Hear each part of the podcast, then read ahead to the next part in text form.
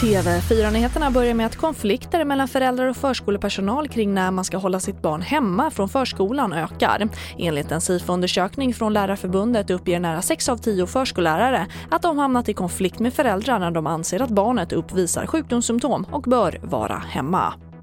Vi har fått signaler hela hösten sedan de ändrade rekommendationerna att det här är ohållbart och att otydligheten innebär att förskollärarna istället får får agera snorpoliser och ta helt onödiga konflikter med föräldrar och vårdnadshavare.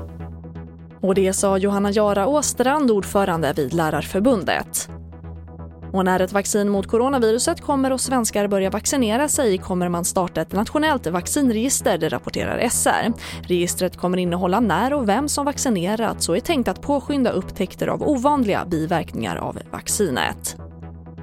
Och Kom hem var på väg att släcka TV4s kanaler vid midnatt för cirka 2 miljoner kunder för att man inte kommit överens om ett nytt avtal. Men nu förlänger man tillfälligt det gamla avtalet i 48 timmar. Och konflikten handlar om att Kom hem inte accepterar att TV4 har höjt priset i det nya avtalet. TV4-nyheterna, jag heter Charlotte Hemgren.